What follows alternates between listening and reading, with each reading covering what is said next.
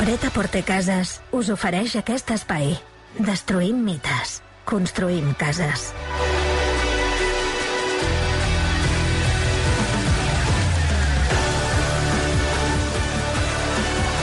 3 minuts, arribarem a un quart de 6 de la tarda. Del discurs sobre l'estat de la nació que ha fet avui Vladimir Putin ens centrarem eh, els propers minuts en la part econòmica.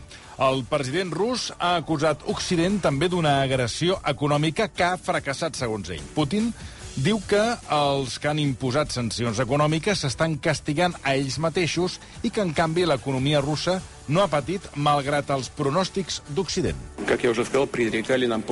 Deien que la nostra economia s'enfonsaria, però els empresaris han canviat l'estratègia de socis i han sobreviscut.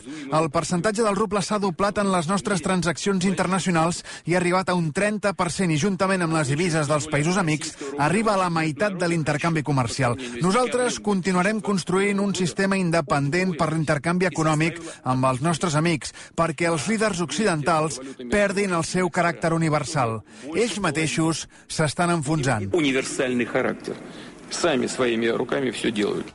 És, com dèiem, Vladimir Putin amb el seu discurs de l'estat de la nació aquest matí. Um, estan funcionant les uh, sancions econòmiques d'Occident o realment uh, Vladimir Putin uh, té raó?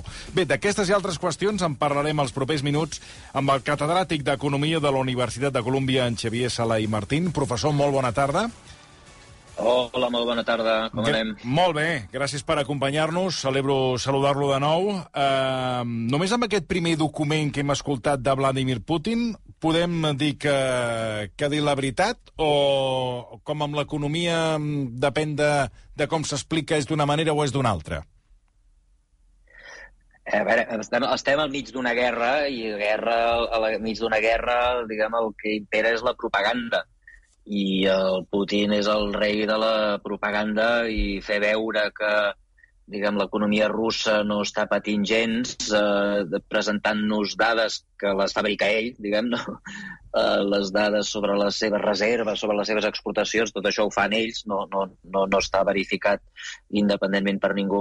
Per tant, tot el que digui el Putin ara mateix és eh, propaganda. Eh, jo diria que hi ha una cosa que és eh, certa, eh, diguem, els fets són que Rússia ha patit, però que ha patit menys del que pensava Occident, i Occident, i en particular Europa, ha patit o està patint, però està patint menys del que pensava Putin. Recordeu que Uh, Putin va ser el que va tallar les, uh, el subministre de gas a Europa, no va ser Europa que va imposar sancions, va ser Putin que va tallar abans de que li posessin sancions, pensant que Europa regnaria el caos, que hi hauria una crisi econòmica brutal, que la inflació arribaria al 60%, i no ha passat res de tot això. Uh, Europa ha patit, els preus han pujat, uh, l'economia segurament no ha anat tan bé com si no hi hagués hagut guerra, però no ha sigut la catàstrofe que Putin volia eh, imposar. Per tant, eh, tant eh, els dos han patit, Rússia ha patit, però segurament menys del que pensàvem, i, i Europa també. I per què pateix menys Rússia del que semblava? Doncs perquè totes les sancions es poden evitar, es poden, diguem, pots anar al voltant de la sanció, eh, si, el que passa és que tot això té costos. Eh? És a dir, eh, si tu no vens gas a Europa o si no vens petroli a Europa, doncs el pots vendre a altres llocs. Hi ha gent que està disposada a comprar. Però, clar, aquesta gent sap que tu eh, depens de... Diguem, ara tens un mercat molt més petit, ja no pots vendre a Europa, no pots vendre a molts països perquè tenen por de que els Estats Units els hi posin sancions per haver transaccionat amb tu, i per tant ells, que ho saben, et posen a tu preus molt, molt més beneficiosos per ells. És a dir, Rússia està venent petroli, Rússia està venent gas, però a uns preus molt per sota de mercat, per, precisament per induir a la gent a comprar petroli enmig d'unes uh, sancions. Per tant, el que guanya Putin és molt menys del que guanyava abans. I tornem al tema, eh? pateixen, no tant com pensàvem, eh? doncs pensàvem que diguem, no vendrien gens de petroli i que, i que diguem, s'ensorrarien. No, no ha passat això, però sí que estan ingressant molt menys del que pensava perquè l'han de vendre a un descompte. I al revés, Putin pensava que Europa es quedaria sense gas i que tornarien plorant de genoll, sisplau, torna'ns el gas. No, Europa ha trobat gas a d'altres llocs, troba gas liquat, troba el gas d'Algèria, etc etc. però el que passa és que costa més. Eh? Com que Europa no tenia terminals de gas liquat, doncs les ha de construir, els costos són molt més elevats, eh, i per tant Europa pateix, però no es queda sense gas. Eh? L'objectiu de Putin era que les fàbriques alemanyes tanquessin i que els europeus es congelessin tot l'hivern, i això no ha passat. Eh? Per tant, ni els uns ni els altres tenen raó. Hi ha una altra cosa que també sabem, de fet, i és que l'economia russa, per més que digui Putin, és una economia petita, eh? és de la mida d'Espanya. Imagineu, Espanya, eh? eh? que no és una gran potència industrial. La Rússia, el producte interior brut de Rússia, és similar a l'espanyol. I està ficat en una guerra en la qual ha de produir material militar, uh -huh. eh? ha de produir tancs, ha de produir bales, ha de produir avions, etc. Imagineu l'economia espanyola produint milers i milers d'avions, intentant produir milers de tancs i d'avions i de camions i de bales i de tot això, eh, i competint contra un país que té 27-30 superpotències, eh, tota la OTAN, eh, al seu favor. És a dir, que li poden passar doncs, tot l'armament, els tancs, els avions, el, tot l'armament que, que Occident, que Estats Units en particular, però també molts països europeus, li estan passant a Ucraïna. I, per tant, Putin, eh, és un país petitet, eh, petitet, amb poca capacitat productiva, eh, doncs ha d'acabar generant, eh, produint tots aquests tancs i totes aquestes coses eh, que els ucraïnesos no han de produir perquè bàsicament els hi regalen els països eh, occidentals. I en aquest sentit, Putin està patint. Eh, fa un any, si els haguessin dit fa un any, eh, eh d'aquí quatre dies serà l'aniversari sí, sí. de la invasió, eh, si, si ens haguessin dit que, que Putin que un any després no, no, no, havia avançat, no hauria avançat ni un mil·límetre eh, i que és més que, que els mil·límetres que va avançar entre el, diguem, el, el febrer i l'estiu el retrocediria tots a la tardor i tornarien a estar igual que abans de començar, ens haguessin dit tots que estem bojos. I, en canvi, eh, una petit, un petit país, un país, un país molt més petit que Rússia, diguem, li està parant els peus i ja està s'està parlant d'una contraofensiva amb els nous tancs Abrams i amb les noves tecnologies, eh, diguem, occidentals que, que, que poden acabar decantant la guerra contra Putin. No? I tot això són factors econòmics que es deriven del fet que tots teníem la idea de que Rússia és una de superpotència i no, Rússia és un país petit de la mida d'Espanya, un, un mm. país irrellevant, seria irrellevant si no fos perquè durant l'era soviètica van, van invertir tant en armament militar, que és el que ara estan dilapidant d'una manera rapidíssima, però que és incapaç de poder, diguem, reproduir. Tot, no, no estan produint tancs ni estan produint res i ningú els hi ven. Eh? Els xinesos, que figura que són els aliats, no els hi venen armament, eh, de moment. Uh, I, per tant, Rússia està sola contra totes les grans potències industrials del món que poden fer tancs, diguem, com a salsitxes. Mm. Vostè, que és economista, uh, què li diu la dada de... no sé si li diu alguna cosa, del Fons Monetari Internacional que ha revisat a l'alça les previsions de creixement de Rússia i s'espera que sigui del 0,3% al 2023. És molt? És poc? Hem de creure en aquestes previsions? Vostè que no hi creu en cap? O quina lectura en fa? No, no no crec en previsions i menys del Fons Monetari Internacional. No, res, pues... A veure, el, el tema, de, el tema de, de les prediccions del PIB, diguem, mm. és igual, que creixi un 1% o que caigui un 1%, en aquests moments és irrellevant. El que sembla que està clar és que Rússia no té la capacitat tecnològica de produir armament eh, del mateix nivell del que està utilitzant Ucraïna. I, per tant, diguem, em sembla que tots els experts militars ara mateix estan dient que la guerra no la guanyarà Putin. No sabem eh, quant de temps aguantarà, però la guerra no la guanyarà Putin perquè no té la tecnologia ni la capacitat productiva per fer armes que puguin contrarrestar les armes que està rebent gratis, sense produir-les, a Ucraïna. I això és el que és realment rellevant. Si, diguem, les dades del PIB són més altes o més baixes, o si, com deia ell mateix en el discurs que heu posat abans, les exportacions com a fracció del PIB pugen o baixen una mica eh, més o una mica menys, a mi tot això em sembla, em sembla irrellevant. La clau és tecnologia. Se li ha tancat la porta de la tecnologia eh, i no té capacitat ara mateix per competir amb la tecnologia que té Ucraïna. Ah. I això ho hem vist amb, amb, amb, amb coses espectaculars, eh? com els, els, els, els ucraïnesos enfonsant el, el, el vaixell estrella de la, de la flota russa eh, des de, amb un missil que havien tirat a, sis, de 60 quilòmetres a distància, o ensorrant aquell pont famós que vam veure en les imatges gairebé en directe. Mm -hmm. eh? És a dir, que tenen una tecnologia eh, molt superior a la que pot arribar a aspirar ara mateix Rússia. Mm -hmm. Per mi això és la clau econòmica del tema si poden vendre més petroli o menys petroli és irrellevant. La clau és què pots comprar amb aquests ingressos que et genera el petroli. Mm. I la resposta és que molt poca cosa que en aquests moments pugui decantar la guerra. Mm. Tornant a, la qüestió econòmica i de les sancions, el cap de la diplomàcia europea, el seu amic Josep Borrell, ha admès que les sancions són d'efecte lent, avui ha dit que són d'efecte lent, i que, efectivament, l'economia russa no ha col·lapsat tal com pretenia. A Europa. Però Borrell ha dit eh, això ho va dir la setmana passada, que les sancions de la Unió Europea són un verí d'acció lenta fet a base d'arsènic, llegeixo textualment, que triga a produir efectes, però que ho fa d'una manera irreversible. Vostè estaria d'acord amb aquest diagnòstic de Josep Borrell? Ara, Borrell és una persona molt útil pels analistes perquè té la capacitat de sempre estar equivocat. Uh, i, i, i, I en aquest cas, diguem, ara podríem dir que és una excepció, però no, no és una excepció. Uh, Borrell també està equivocat en aquest cas. Eh? Per tant, Borrell és molt útil perquè diguem, sempre el que diguis saps que la veritat és el contrari. Um, les, les, les uh, sancions econòmiques, el que passa sempre, a tot arreu, és que amb el temps uh, són cada cop més fàcils d'evadir no més difícils d'evadir. Són més fàcils d'evadir perquè, com hem dit abans, els països sempre troben maneres, troben alternatives.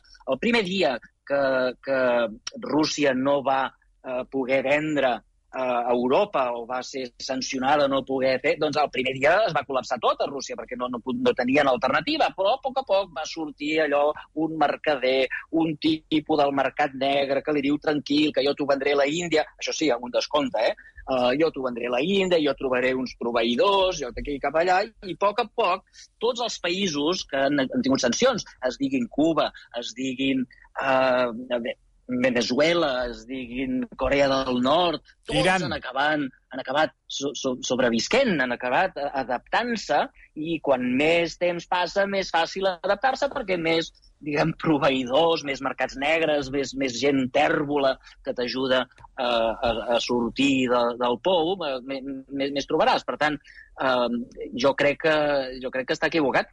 Eh, més que ser una, una, diguem, un, un verí de, d'efectes de, de, mm. uh, retardats, no? d'efectes sí, lents. Sí.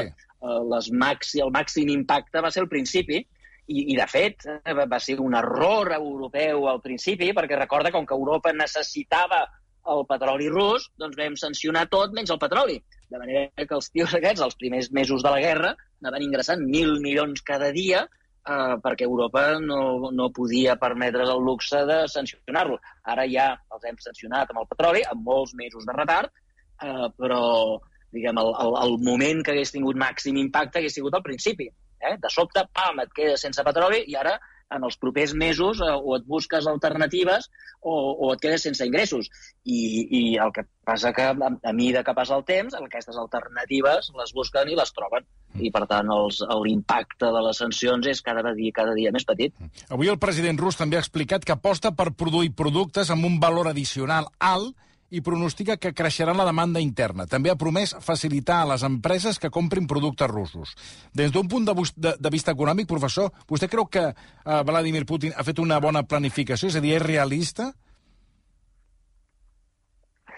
Eh, bueno, no, no ho sé. Això, això és un discurs que fa tot, tots, tots els països, tots yeah. els presidents de tots els països del món. Eh? Yeah. No, ja s'ha acabat produir béns agrícoles, eh? Mm. prou mineria, prou pesca, hem de buscar valor afegit a Catalunya diem prou turisme, eh? volem, sí, volem sí. indústries de valor afegit. Mm. Això és un discurs patatero que fa tothom. Sí, perquè, perdoni, uh, això, uh, això es va dir, disculpi que l'interrompeixi, eh? això es va dir uh, durant la pandèmia i quan, quan hem sortit de la pandèmia tornem a fer el mateix model negoci que és el turisme. Exacte. Exacte. I per què? Perquè, perquè és difícil canviar això. Sigui, està molt bé, està, està molt, molt, molt xulo, i, hòstia, no, que tindrem, tindrem, ara farem una indústria en què el salari mitjà sigui de 125.000 euros al mes, o l'any. Eh, molt bé, molt bé, vinga, eh, comença a explicar com es vot, perquè, clar, eh, eh, això ni, ni és una cosa fàcil de fer, ni és una cosa que Putin eh, pugui fer.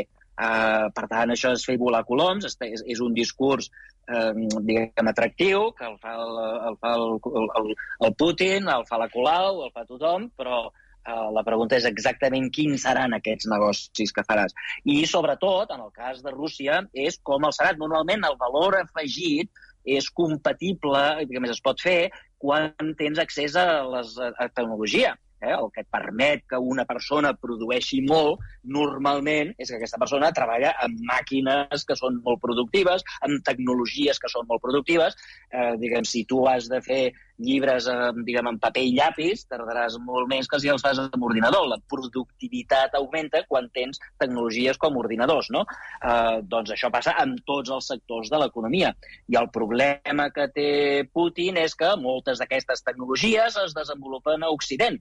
Els grans centres d'innovadors del planeta són a Occident. I, i mentre els països occidentals no li donin aquesta tecnologia perquè no perquè diguem, està ficat en guerres i està diguem, envaint països democràtics, doncs el, el Putin no tindrà aquestes tecnologies. I un altre problema que té és que diguem, com que, diguem, com que no té tecnologia, s'ha dedicat a fer una guerra a, a, a lo bèstia com, com, com, com a la Guerra Mundial, eh? Mm. Doncs allò, ficant molta, molta gent i anar morint molta, molta gent, uh, uh, i això va fer que el seu exèrcit original doncs, es quedés, uh, es quedés diguem, bàsicament destruït i el mes de setembre, recordeu, va haver de fer, sí, sí. va haver d'obligar els ciutadans normals i corrents 300.000 ciutadans normals i corrents, obligar-los a anar a la guerra eh, entre aquests ciutadans hi havia, doncs això, informàtics, eh, gent que era capaç de crear i utilitzar tecnologies, i aquesta gent que podria fer aquest salt tecnològic, doncs resulta que els té allà amb trinxeres eh, sense poder produir res. Eh, I els que no van anar a la guerra van fugir. La quantitat de russos joves que, diguem, preparats tecnològicament que són els que abans feien, recordeu, que abans tots els atacs cibernètics, ai, si, si, els ciberatacs eren, eren de russos, no? De tota aquella gent que sap tant, com collons, per què no, no estan fent atacs ara? Doncs perquè han marxat de Rússia. Um, molts estan a països d'Amèrica Llatina, que per, perquè per anar a Amèrica Llatina els russos no necessiten visats, per tant, molts van anar cap a Amèrica Llatina, d'allà han emigrat als Estats Units i altres indrets. Um, total, que molta de la gent que està preparada a Rússia ha desaparegut i, per tant, has de crear un, una, un sector d'alta tecnologia, d'alt valor afegit, eh, quan els teus millors ciutadans, els més ben preparats, els més educats, els més tecnològicament eh, preparats, eh, o bé estan lluitant una guerra o ben, o ben desaparegut del país. Uh, a mi que m'expliqui el senyor Putin que, que diguem, aquests coloms que ara fa volar exactament com volaran, perquè jo no ho veig. Bé, deixem, deixem a Vladimir Putin i aquesta guerra que, com dèiem divendres, farà un any de la invasió de, de Rússia a Ucraïna i obrim una altra qüestió que eh, marca des de fa ja un temps Elon Musk. I és que Mark Zuckerberg ha decidit imitar Elon Musk i diumenge va anunciar una subscripció de pagament per Instagram i Facebook. La subscripció eh, que serà anual, costarà entre 11,99 i 14,99 dòlars i, segons el fundador de Facebook, oferirà als usuaris protecció addicional contra la suplantació d'identitat. És a dir, que tu a partir d'ara pagues perquè teòricament et protegeixi la xarxa social. Eh, professor, eh, Elon Musk ha vingut a reinventar les xarxes. Estem en un moment on eh, a partir de, no sé, no sé de quan o, o en quin moment la, a les xarxes haurem de pagar per utilitzar els seus serveis? És a dir, ve un canvi de paradigma? A veure, eh, jo crec que sí que ve un canvi de paradigma, però no per Elon Musk. Jo crec que l'Elon Musk és un senyor que ha fet un error catastròfic, que ha comprat una companyia que ni sap com funciona ni, i la va comprar per ego quan, la, quan Tesla anava bé i les seves accions estaven molt altes i ell era molt ric i va pensar que 40.000 milions no seria res. Eh, després va intentar fer-se enrere, però el jutge no el va deixar. Eh? Va dir tot, no, ara has fet l'oferta, ara has de comprar, el van obligar i ha sigut ha anat seguint de catàstrofe en catàstrofe, eh, prenent decisions equivocades, expulsant també, com Putin, eh? els millors treballadors de Twitter van ser, van ser foragitats i per tant s'han quedat sense la gent que sabia com funcionava l'empresa, que sabia com, com, com posar els programes de seguretat, etc etc. I, i les empreses veient que aquest senyor cada dia feia més el ridícul, les empreses que es feien publicitat a Twitter, moltes han marxat, per tant està perdent calés per tot arreu, està perdent ingressos, Uh, les empreses no volen fer propaganda o no volen fer anuncis a Twitter i, està, i això li, li, li, li treu la seva principal font d'ingressos uh, i per tant, diguem, ell prova de, de, de, de buscar ingressos de, de, a altres llocs i un d'ells és el, és això, no? A l'usuari. És, és allò, fer, fer subscripcions, sí. Uh, a veure, uh, dit això, dit això, mm. uh, jo m'agradaria fer una reflexió sobre uh, això de que les aplicacions són gratuïtes. Mm -hmm. eh? uh, les aplicacions no són gratuïtes. Eh? Ens hem, tots hem estat confosos eh, amb, el, amb el model de negoci que tenen aquestes empreses tecnològiques. Um, les empreses aquestes tecnològiques utilitzen unes eines que s'anomenen intel·ligència artificial, que bàsicament agafen les dades dels usuaris eh, i les utilitzen per vendre-les a la gent que fa publicitat. Eh? Uh, D'alguna manera, quan tu vas a Twitter o quan busques coses a Google o quan penges fotos a Facebook o a Instagram, tu estàs donant informació sobre qui ets. Eh? Una informació que, si les màquines són prou intel·ligents, poden fer prediccions sobre quins són els teus gustos i quin tipus de productes pots comprar. Eh? Per exemple, per posar un exemple, eh, poden predir les màquines, un cop tenen totes aquestes dades, poden predir que tu, Toni, eh, Clapés, estàs buscant un cotxe de gamma alta. Eh? Mm -hmm. Posem, per exemple. Sí, sí. Uh, si tu estàs buscant un cotxe de gamma alta, aquesta informació, eh, que el Toni, l'individu, aquest senyor, està, no el tipus, eh, no els senyors de l'edat del Toni que viuen a la regió del Toni, no? No, no. El Toni, aquest senyor individual, està buscant un cotxe de gamma alta. La informació aquesta val una muntanya de diners per a empreses de cotxes de gamma alta, com BMW o Audi, etc etc. Està clar? Per què?